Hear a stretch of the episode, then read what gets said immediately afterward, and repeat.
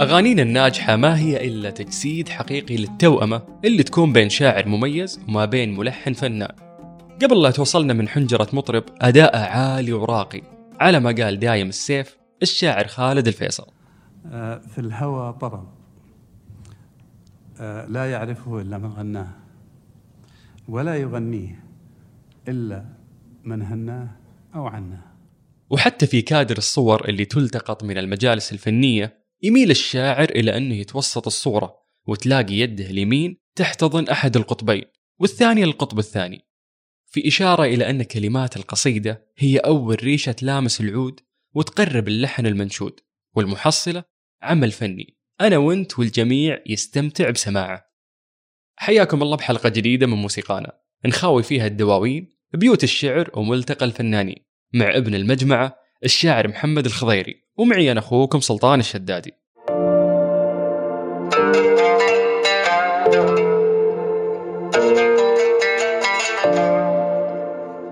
حيا الله شاعرنا محمد الخضيري ويا أهلا وسهلا فيك.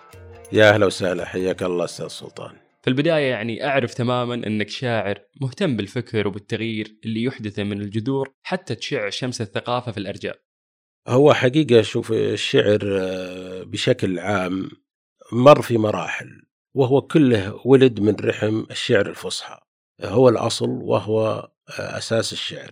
ولكنه مر في مرحلة اللي هي نسميها إحنا يمكن اللهجة العامية مر بداية بالشعر النبطي آه، مرورا بالشعبي ثم إلى شعر التفعيلة. هذا المرور آه، أكيد أنه جعل آه، نقلات وأكيد مر في عراقيل كثيرة. من ضمنها أن كل رواد مرحلة سابقة لا يقبلون المرحلة الجديدة لأنها تعتبر تغريب للشعر في وجهة نظرهم ولا تقبل بهذه ببساطة. فهذا جعل آه، الشعر الغنائي وهو المرحلة الأخيرة مرحلة دخل من ضمن الشعر التفعيلة جعله يصارع وخصوصا عندنا في نجد هنا آه، يصارع لإيجاده بشكل عام. حتى آه، أثبت نفسه من ضمن الشعر وأن كان يستهجن بشكل غير طبيعي وكان يرفض تسميته بالشعر وتسمية كاتبه بشاعر. عند كثير من رواد الشعر المقفى لأنهم أخذوا تصور بأنه الشعر يجب أن يكون مقفى وعامودي موزون ببحوره المعروفة آه، السائدة. وهذا ما هو صحيح. أنا وجهة نظري ما هو صحيح. الشعر هو بأي طريقة يكتب بجمله الموسيقية بجمله بالعروض بالأوزان. أهم حاجة أنه يكون عبارة عن مشاعر متدفقة صحيحة ويخضع إلى رتم معين لا يخرج من هذا الرتم. فهذا آه، تفسيري لهذه النقلة وأنا من ضمن اللي يمكن مروا في هذه المرحلة. جميل جميل جدا. أعتقد يعني هذا مدخل جيد أستاذ محمد للسؤال عن كيف يولد الشاعر أو هذا المشروع الأدبي إن صح التعبير. وشلون يعني صقلت موهبتك حتى صناعة أول قصيدة؟ هو هناك شاعر وهناك كاتب شعر والفرق بينهم يمكن شعرة. الشاعر آه، هو حقيقة تمثله قصيدته مجرد ما تقرأ قصيدة آه، لشاعر تعرف دواخل الشاعر بكل تفاصيله إنما آه، من يكتب الشعر هذا يمكن إنه لا يكتب هذه القصيدة من دواخله ولا تمثله بقدر ما إنها تكون مكتسبات ثقافية أو إملاءات آه، مطلوبة لأي هدف آخر.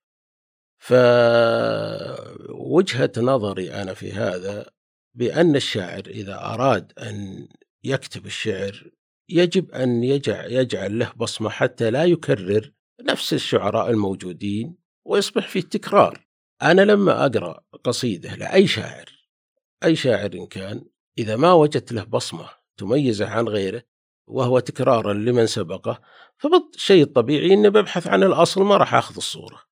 أنا في هذه المرحلة حقيقة كنت آه، عانيت حتى أجد لنفسي طريق يمكن إن صح التعبير أني أتميز فيه.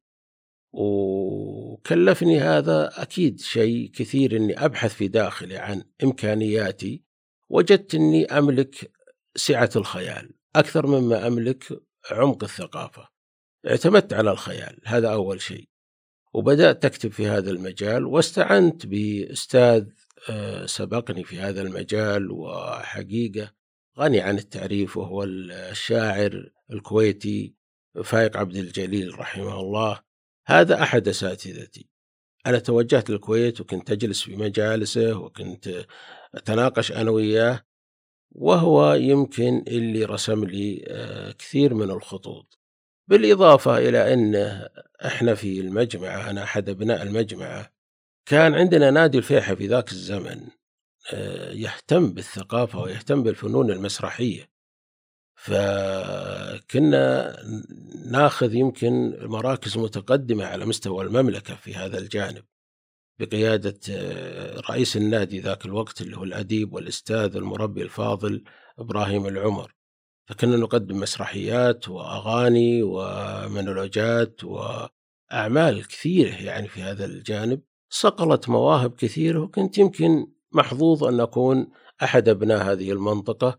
ويشملني هذا حقيقة يمكن التطور الفني والثقافي وأكون جزء منه. فهذه بداياتي. ممتاز ممتاز. وجميلة القصة يعني وأنت قاعد تعطينا من البداية. فبس يعني للشعراء الغنائيين قبول كبير في الوسط الفني وخارجه. وخلنا نقول يعني نعم. محبوبين من الملحنين والمطربين. فلو تكلمنا شوي عن ديوان الشاعر أو مجلسه في بيته وكيف يثري هالشيء الحركة الفنية في المملكة؟ حقيقة ديوان الشعر إحنا بما أن إحنا نتكلم عن الشعر الغنائي أنا يمكن ما صادفني هذا الجانب آه، إني وجدت دواوين شعر لشعراء الاغنية بحكم وجودي في منطقة الرياض. وكانوا شعراء الأغنية أكثرهم متواجدين في المناطق الساحلية عندنا مثل آه، جدة وهي حقيقة الرحم الأكبر للفن عندنا في السعودية. كذلك آه، عندك المنطقة الشرقية. كانت تهتم بهذا الجانب اللي هو الشعر الغنائي اللي هو لما نقول الشعر الغنائي الشعر المكابلة. هنا يمكن يوجد فن آه، شعبي.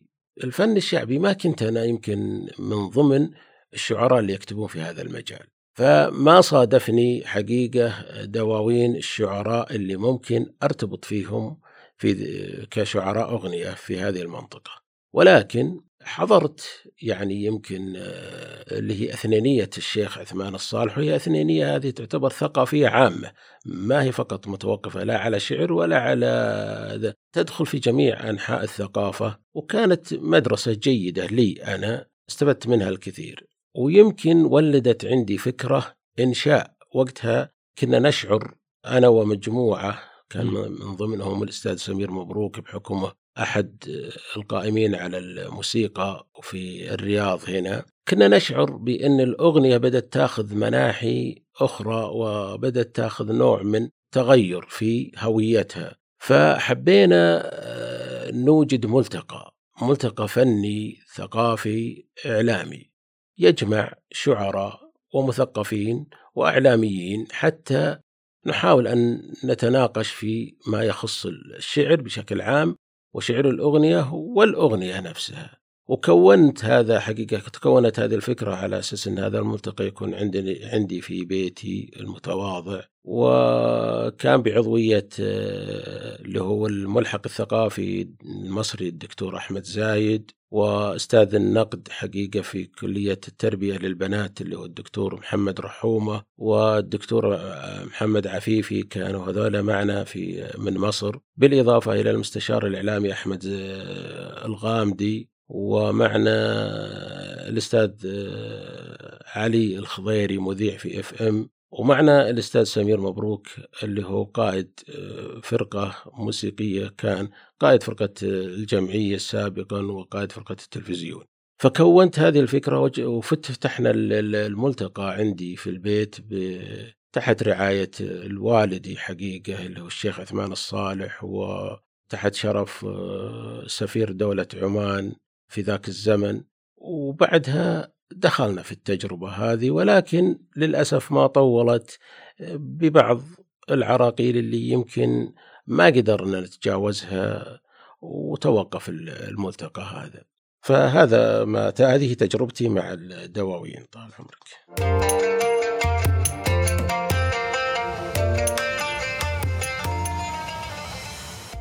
جميل. عاد من يعشق الشعر يستوعب بكل اللهجات لكن التصرف الشعري بالقصائد والكتابة باللهجة البيضاء قاعدة تشهد تزايد كبير. كيف تشوف ذلك؟ وش أثرها على مشوار الشاعر الغنائي السعودي؟ آه، ممتاز. هذا شيء جميل وأشوف الفن بشكل عام والشعر لا يعرف الجنسية ولا يوجد له جنسية معينة. هو حر طريق لكن بكل صراحة الشعر إحنا عندنا لما يكون الشعر أحيانا يكون شعر باللهجة اللي إحنا نقول إحنا أو بالكلمة الممدنة اللي هو جائز انتشاره ومشاركته بأي طريقة كانت. هذا جائز من وجهة نظري جائز أن يكون محل تعاون ومحل مشاركة الفنانين بأي جنسية كانت. ولكن هناك قصائد تمثل ثقافة معينة ثقافة شعب. ثقافة بيئة. هذه صعب أحيانا. ليش؟ لأنه تصعب بعض مفرداتها أو هويتها. إن كانت هوية اجتماعية أو هوية شكلية أو أيا كان أو حتى ولكن العائق الأكبر فيها يمكن هو العائق المفردات. أحيانا بعض المفردات صعب نطقها آه، من قبل يمكن جنسية أخرى فبتأثر على القصيدة وراح يعني لا يتقبلها الشاعر أن تكون مكسرة أو غير ما راح توصل بكل صراحة ما راح توصل بالشكل اللي يوصلها ابن البيئة نفسها. وهذه ترى على فكرة ما هو فقط كجنسية حتى إحنا السعودية الله يحفظها بلد مترامية الأطراف ويوجد فيها كثير من اللهجات. أحيانا أنا ابن نجد لا أجيد قراءة قصيدة بلهجة مقعرة جنوبية مثلا. قد لا أجيد مخارج الحروف فيها. وهذا ما هو عيب آه، فيني أنا ولا عيب في الشاعر ولكن هي بما أنها تمثل منطقتها فيفترض أن يغنيها أو يقدمها ابن المنطقة. لكن هذا لا يعني أن إحنا نحجر على الأغنية ونقول الأغنية أو الشاعر الذي يحمل الجنسية الفلانية لا يغني له إلا فقط ابن بلده لا. ممكن آه، فيه اللي هي الكلمة الممدنة وفيه أمثلة كثير في الكلمة الممدنة أنها ممكن يغنيها أي فنان وبأي جنسية. جميل. تبغى أطرح لك أمثلة؟ أنا ممكن أعطيك أمثلة على مثل هذا. أكيد. إيه؟ بالعكس يعني إحنا اليوم نستمع لك فأعطني أمثلة. آه، أنا أقول لك مثال. يعني فيه الشاعر آه، محمد العبد الله الفيصل لما طرح أغنية معده بجاي. تجد فيها من ضمن المفردات اللي يقول راح عفوا رحت الموعد الغالي جلست هناك بالحالي أسلي نفسي بالهوجاس أفكر في أعز الناس وزلت حزته ما جاء دريت إنه ما عاد هو بجاي. تنيته والأمل سهران. في قلبي يحتري الخلان وأنا ما بين الرجاء والياس أساهر قلبي الحيران. يا سلام هناك مفردات مثل تسلم كلمة تنيته مثلا. كلمة آه، معاد هو بجاي لفظا قد يصعب على أي جنسية أخرى أن يلفظها ويمكن أحيانا قد يصعب فهمها لأنها متعمقة في اللهجة النجدية. في لهجة خاصة لهجة الشعبية محصورة في زاوية معينة بس ما تعتقد أنها تزيد من جماليتها لأن هي تمثل هذه المنطقة؟ جميل بس من يقدمها؟ هذا السؤال من يقدمها؟ يفترض أن يقدمها ابن البيئة نفسه على أساس توصل بشكلها توصل بطريقتها ببساطتها بسلاستها لكن إذا تكلف فيها ويمكن أنا ما ما حقيقة يمكن ماني متتبع جيد لكن أنا أحيانا تمر علي بعض القصائد تغنى من شعراء غير سعوديين تشعر بعسر المفردة ما تخ... ما مخارج مخرجها ما هي بنفس اللفظ. نعرفها إحنا يعني أبناء المنطقة أو أبناء الدولة نعرف هذه المفردة ما تنطق بهذا الشكل لكنها تمشي. بس في مفردات أنا قلت لك في قصائد بيضة مثل خلنا نقول زمان الصمت لما غنيت مقادير هذه مفرداتها مدنية ممدنة لا يمكن أن يتوه فيها أي جنسية. كلنا لغتنا عربية ما فيها ما في خلاف. يغنيها اللبناني يغنيها المصري يغنيها المغربي يغنيها أي آه، فنان. راح يغنيها وراح يعطيك إياها بشكلها لأنه ما فيه مفردة تقول هذه شعبية بحتة خاصة بمنطقة معينة. أنا ما أدري وصلت الفكرة ولا ما وصلت لكني صحيح. أحاول إني إيه. لا بالعكس يعني طريقة آه، آه، سردك للموضوع رائعة بس يعني أتمنى لو تقدر تشاركنا قصة أو آه، نقول دراسة حالة مرت عليك وتفسر لنا الأمر أكثر. والله شوف ال- ال- الشواهد في هذا يمكن كثيرة من الفنانين وأحيانا على سبيل المثال أنا فيه قصيدة اللي هي زليت.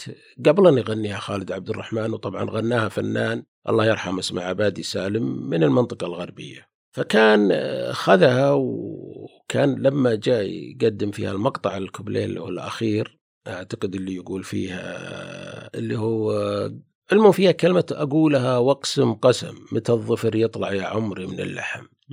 آه، طبعا بحكم إني أنا ابن نجد عندنا نقولها بهذا اللفظ. أقولها واقسم قسم متى الظفر يطلع يا عمري من اللحم. عبادي رفض أن يقدمها بهذا الشكل لأنه يقول هنا أحس إنها فصحى تحولت إلى فصحى جدا في ك كوجهة نظره. فهو يحب يقدمها بطريقة اللي هو أقولها واقسم قسم كلهجة اختلاف اللهجة هذه جعل المفردة تخرج بلفظ مختلف. فطبعا أنا عندي قناعة بأن طالما أنه لا يختلف المعنى ولكن إي بس هو اختلاف يعني آه، أصبح في النطق في. وليس في المعنى. لا المعنى باقي. أكيد هو هي كلها أقسم قسم أو أقسم قسم بس اللهم هذه اختلاف اللهجة ولا يغير المعنى. أنا ما أقصد أنه يتغير المعنى بس أحيانا هوية الشاعر يحب أنه يقدمها بشكلها. هذه هويتي أنا هذا هذا الجزء جزء مني. فما اختار ما ما وصل الاختلاف إلى توقيف أو كذا بالعكس قدمها بالشكل أو بلهجته هو والله يرحمه ويسكنه الجنة كانت جميلة يعني و... اللهم فهذا من ضمن اللي مرت آه. علي يعني من ضمن القصص اللي مرت علي أنا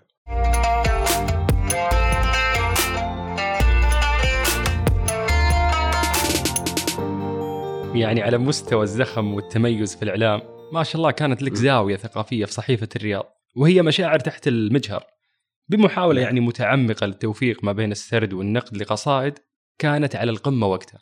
هذه آه، مشاعر تحت المجهر آه، ولدت فكرة معينة وهي جدل قائم أحيانا في بعض المجالس وخصوصا كنت أعاني من كثير من آه، بعض الشعراء اللي هم أنا أسميهم شعراء الكلاسيك اللي هم يكتبون القصيدة المباشرة. اللي لا تحمل رمز لا تحمل أو لا لا تهتم بالرمز وهو حق من حقوقهم وهي جزء جميل من الشعر إذا أجيد اللي هي القصيدة المباشرة. فكانوا أحيانا يتهموني بإن قصائدك لا تحمل معنى. كثر الجدل في هذا ال- الكلام فقلت أنا ما هو صحيح لكن الرمز في المفردة توظيف المفردة يختلف من شاعر لشاعر وخصوصا عندما تكون أنت مهتم بأن القصيدة تكتب بشكل رمزي. فحقيقة توجهت إلى كتابة مشاعر تحت المجهر لكني ما حبيت إني أنا أقرأ قصائدي لأنه ليس من العقل ولا من المنطق أن تفكك رموز قصيدك. كنت أتركها تمشي كما يقرأها أي قارئ بس حبيت أثبت بأنه طالما أني أملك القدرة على فك رموز قصائد غيري فهذا من الطبيعي أني أملك فك رموز قصيدتي. فكتبت في هذا المجال وتناولت قصائد كثيرة رمزية وعندنا شعراء الرمز كثير على سبيل المثال الأمير بدر بن عبد المحسن الامير عبد الرحمن بن مساعد الأمير آه، سعود بن عبد الله آه، عندك فايق عبد الجليل حتى نزار قباني شعراء أنا أخذت على مستوى يمكن الخليج والعرب آه، مجموعة من القصائد كنت آخذها ونحاول إن إحنا نطرحها ونفك الرموز يعني كيف يوظف الشاعر المفردة أو ما هي وظيفة المفردة في في القصيدة. فتناولنا كثير كثير من ال- القصائد في هذا المجال وهي صناعة جميلة للقصيدة وأنا دائما أقول كل ما يتعمق الشاعر في المفردة آه، كل ما يطلع بشيء مختلف. فمثال أنا أقول لك لما بدر بن عبد المحسن يقول لا أنت وردة ولا قلبي مزهرية من خزف آه، هذه من ضمن الأشياء اللي تناولتها في زاوية مشاعر تحت المجهر. هنا خروج من من المألوف، خروج من انه الوظيفة العادية لتوظيف المفردة. أنت لما تسمع هذا تتخيل إنه صور المحبوبة بالوردة وصور القلب بالمزهرية. هنا تصور غريب ولكنه جميل. آه وشر. يس آه صحيح الوصف جميل جدا. اي والربط وين؟ أن الوردة دائما تحمل الجمال تحمل سرعة الذبول إذا لم ترعى وتهتم فيها وهذا هو شأن الأنثى. أعتقد إن هذا هو شأن الأنثى. يجب أن تعتني فيها يجب أن تهتم فيها. إن اهملتها ذبلت إن تركتها ذبلت وهذا ليس اقلالا منها. أنا أتكلم عن مشاعر لا أتكلم عن قيمة الإنسان أنا أتكلم عن مشاعر. صحيح. يعني أرجو لا يروح نروح لمنحى آخر. لا هي المرأة إيه المرأة قائمة بنفسها لا تحتاج. لكن إحنا نتكلم هنا عن جزئية المشاعر. فجزئية قالوا لك وقتها إيه. تفضل قالوا لك وقتها ولا أقطع كلامك إنه من أي مدرسة نقدية. آه إيه. فايش رديت عليهم أنت؟ أنا حقيقة قلت آه، ما هو صحيح يعني إني أنتمي لمدرسة هذا أول شيء. ولا يجب أن يكون في الشعر آه، مدرسة ثابتة. المدرسة تدرس الموجود تدرس الموجود الحاصل آه، ذا وتقدمه. لكن الشعر يجب أن يكون حر طليق لا تنتمي لا ينتمي إلى مدرسة لأنه الأصل هو الشعر هو من أوجد بحوره هو من أوجد آه، أوزانه.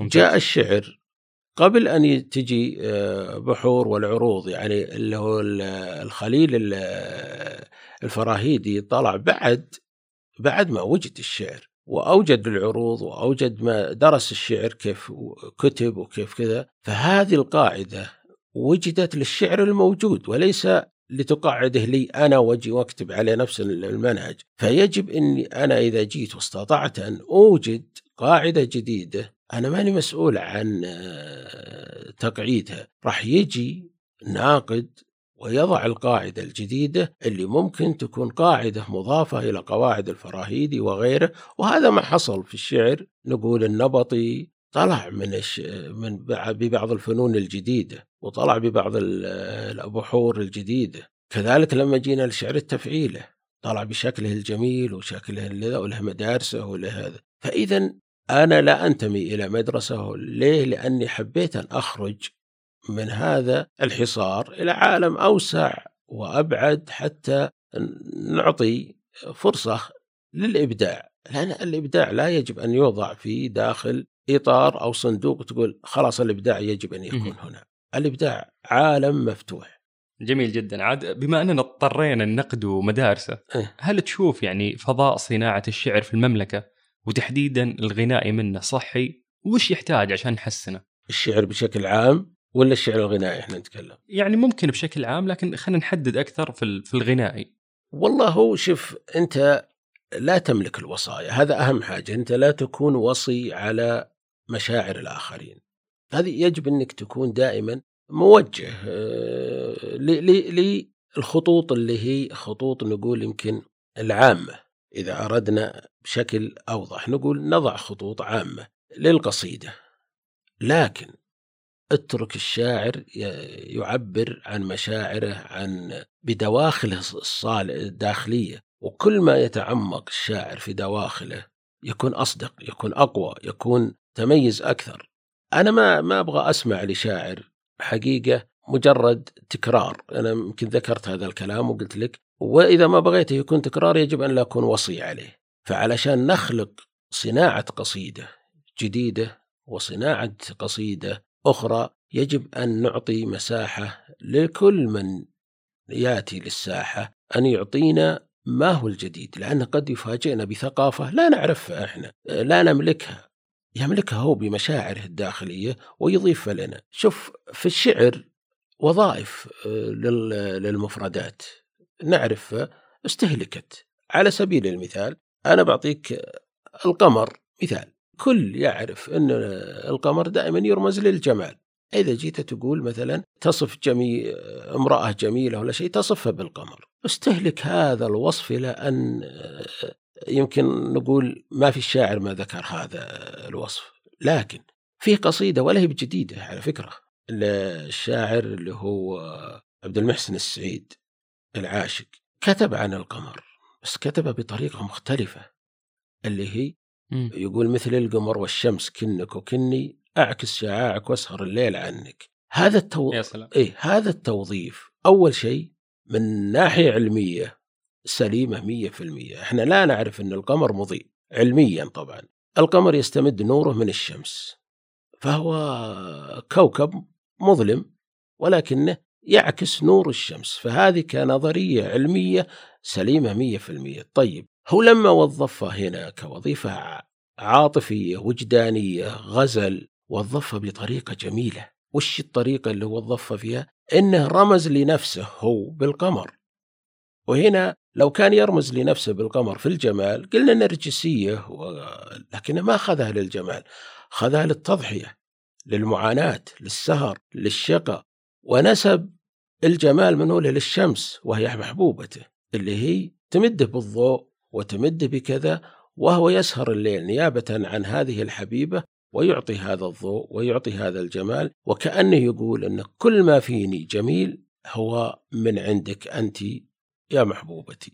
وهذه صورة جميلة ونقلة جديدة. يمكن لو كنا نحجر على الشاعر ونقول لا تكتب إلا بهذه الطريقة لا تكون إلا بهذه الطريقة ما ظهرت لنا مثل هذه الصور. فهذه صورة من الصور. و... وإذا دخلنا في توظيف المفردات معلش أستاذ سلطان يمكن أنا أسهب في هذا الجانب لأنه مليء بالأمثلة. راح نجد أشياء كثيرة. نجد مثلا فهد عافت في قصيدة له. لما تكلم عن نظرية أنا أنا خلينا نتكلم الآن عن النظريات العلمية. فهد عافت لما كتب آه، يساورني يقين إن. المطر غلطة هوى عالي. حسب نفسه صالح غيمتين وبلل ثيابك. هذا ال- الجمال في الصورة أول شيء علميا نعرفه أنه الرياح تقل السحاب وتجعله بعد ما أنه متفرق تجمعه. الجمع هذا دائما هو وصفها بأنه تصالح غيمتين. فتصطدم الغيمة بالغيمة فيصدر البرق يصدر الرعد فينزل المطر. هذه الصورة اللي اللي هو أخذها وأعطاناها بنظرية علمية وبنظرية وجدانية وجميلة مثل آه، ش- اللي هو على شبه هذا التمثيل بأنه يساورني يقين أن المطر غلطة هواء عالي حسب نفسه صالح غيمتين وبلل ثيابك. هذا صورة جميلة علمية.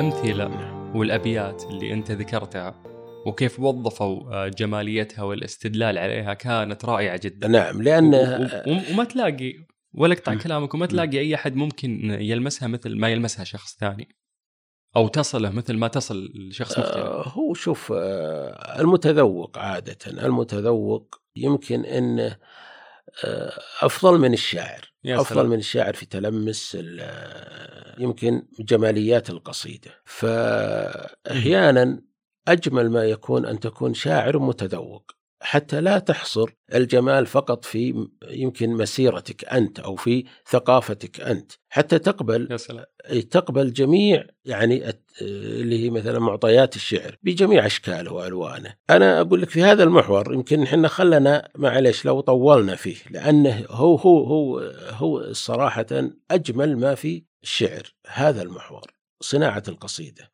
أنا لو بجي وبقول لك في صناعة القصيدة يمر في مراحل كثيرة، مثلا في تصوير الطبيعة عند الشاعر الأمير خالد الفيصل. استطاع أن يكون حقيقة صور طبيعية من خلال القصائد كثير. على سبيل المثال يا زهور العشب في قب المطر يوم علتها مراويح السحاب.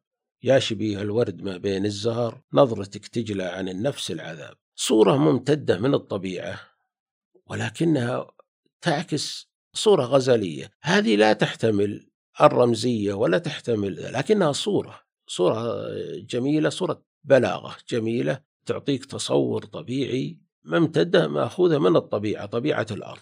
تروح مثلا في الرمزية نجي نشوف مثلا الأمير بدر بن عبد المحسن وهو يمكن مدرسة الرمزية في الشعر. نجد أنه قدم آه، لو حبت النجمة نهر طاحت على صدر السنة أن مرت الغيمة قهر وانهبت النسمة قهر ولا رمى طفل حجر عكر مواعيد الهنا. هذا التصوير الرمزي أن يصف الحب بهذه الصورة. إحنا لما نتخيل أن الحبيبة أيا كانت أيا كان وضعها أيا كان مكانتها أيا كان كذا مهما سمت وحبت لا تنظر عيوب حبيبها ولا تنظر قيمة حبيبها الشكلية أو فهو وصفها بالنجمة. هنا قيمة عالية. ووصف آه، المحبوب في آه، نظر اللي ينظر من برا. نظر المحبوب المحبوب بأنه كالوادي كالنهر. فالطبيعي إن إحنا لما نجي في الليل ونشوف النجمة في السماء نجدها صورة معكوسة في الماء في ماء النهر هذا. كأنها نزلت من سموها ومن علوها إلى هذا الوادي عشقا وحبا ووفاء. هذا هذه الصورة اللي, اللي نقول تجي من الطبيعة ولكنها رمزية خيالية عميقة جدا. أن تصف هذا هذا الجمال وهذا العطاء بين المحبوبين أن يتنازل حالا الحبيب أو الحبيبة يتنازل عن كل أفكاره و ويرى جمال حبيبته أو حبيبه رغم أنه لا يرتقي إلى مستواه بأي شكل أو بطريقة مختلفة أو أو إلى آخره. هذا في رمزية التوظيف المفردة. يمكن عندنا وصف قلنا عن وصف الجمال وقلنا عن في وظيفة يمكن أعمق في العمق وفي الحس وفي المشاعر الشاعر فاك عبد الجليل اللي هو لما يجيك يقول لك أجي ملهوف عطش ملهوف تحت المطر ملهوف وقت يطوف لوني ضايع ومخطوف يضيع الشارع بصمتي وصمت الانتظار سيوف. يعني هذا التصوير في آه، الحس وفي هذا الوصف وأن تصف الانتظار بالسيوف بأنه آه، إحنا نعرف السيف جارح السيف مؤلم السيف قاطع والانتظار مؤلم بدرجة حدة السيف وألم السيف. هذه الأشياء يمكن أنها تعتبر تضيف للشعر وبالذات الشعر الغنائي تضيف له الشيء الجميل. في المعنى مثلا وفي الغزل آه، والمفاتن يمكن برضه نرجع لخالد الفيصل أنه كان يتغزل في مفاتن المحبوبة. فيه اختلاف يعني في من يتغزل في المفاتن الجسدية وفي من يتغزل في المفاتن الروح والذا فمثلا لما يقول في شفتك جمر حمر فيه وقاد أغليتنا لون الجمر من غلاها؟ التشبيه جميل رائع جدا. أن تشبه هذا هذه الفتنة في من من الجماليات الشفائف بحمار الجمر وتوقد الجمر كشكلا وجمالا. هذا توصيف جميل. لكن آه هذا يتكلم عن مفاتن معينة. لكن في جانب آخر وهو اللي نقول في الحس في كذا نجد سعود بن عبد الله. طرح صورة أخرى كف شالك شموع وكف شالك غلا وانت بين الأيادي نجمة ما تطيح. فهذه كل أبوها لو نستعرضها ونشوفها وغيره يعني من الأمثلة أنا يمكن هذا اللي حضرني في التصوير وكذا تجدها جميلة جميلة آه، في في طرح الشعر وطرح الأغنية. والارتقاء بالأغنية.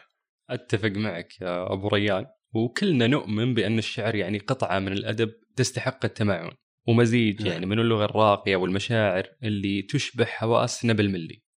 الحديث معك يعني جميل وما ما يمل منه. سلمت والله وأنت أستاذي أنا متشرف بهذا الحوار الجميل وأسعدني حقيقة كثير وأتمنى إن إحنا بس نكون قدمنا مادة جيدة إن شاء الله. بوجودك بإذن الله إنه إحنا قدمنا هذه المادة وسعيدين جدا.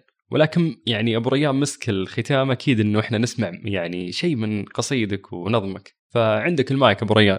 حقيقة يمكن أنا ودي أقدم إذا بتسمحوا لي آه، مقطوعتين من الشعر أو آه، جزئين وشكلين آه، في قصيدة يمكن إنها تميل إلى الشعر المباشر اللي ما يحمل الرمزية. حتى يكون وهو تبسيط المفردة تبسيطها ثم بدخل في اللي هي القصيدة الرمزية. فبعطي جزء آه، نموذج ونموذج إذا ما فيه آه، مشكلة يعني. أكيد خذ راحتك. طيب هذه يقول شفني عاد مالي خلق ابدا سواليف وعناد. شفني عاد مالي خلق ابدا سواليفي عناد كان ضايق لا تسولف ولا تذر, تذر بعين حبي لك رماد. شفني عاد مالي خلق أبدأ سواليفي عناد كان ضايق لا تسولف ولا تذر بعين حبي لك رماد. قلت أحبك قلت لك اوله عليك وقلت أبيك وقلت لي كبوة جواد. آه من شوق اللي جاك وما لقاك. آه من شوق اللي جاك وما لقاك. طاح في زلفة مساك بين صمتك والعناد. شفني عاد ما تبيني أنت حر. بس لحظة دام ناوي للبعاد دام يعجبك العناد لا تذر بعين حبي لك. رماد. هذا من آه، الشعر المباشر. فيه يا سلام. صح لسانك. تسلم وصح بدنك. فيه في في يمكن الرمزية. أنا كتبت يمكن اللي يقول لي بسمى رواية هند وهذه غناها الله يرحمه برضه عبادي سالم. يقول مليت بجرحي أيامي وبالنسيان يا زهرة في زمن ضامي بلا عنوان تدفق من عيونك للزمن أنهار أنا عطشان وعروقي تبي تروى ولي شكوى على كل البشر تروى. عزيز وما مشيت الذل في دروبي وإذا الماضي حكم حكمه في هذه كلها عيوبي. أنا إنسان وقصة حبي ما تنهان. رواية هند في الأوراق بطلها من بطل عبلة. مشينا في صحاري الحب على حدود الخجل نرسي ونبحر في مراكبنا مع الأمواج. نصارع لوعة الماضي ولا نقدر تعيش قلوبنا أحباب وحنا غراب. عروق الشوق ضميانة على حدود النظر تاقف. أراعيها أحس أغصاني ريانة. رواية هند في الأوراق بطلها من بطل عبله. وسلامتك طال عمرك. سالم وغانم وصح لسانك. صح بدنك يعني هذه حاولت تصور فيها كل الجمال اللي أنت قاعد تشرحه قبل شوي.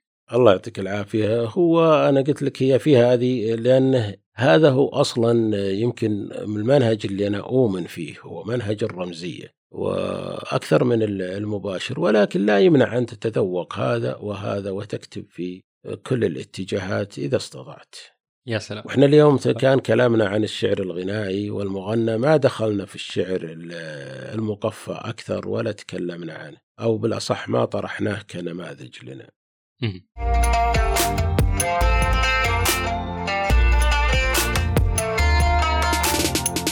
ويبقى الشعر الهمسة الدافية اللي تقدر تحرك أسطول كامل من المشاعر مع دقة وتر. شكرا لاستماعكم وحبكم للبودكاست.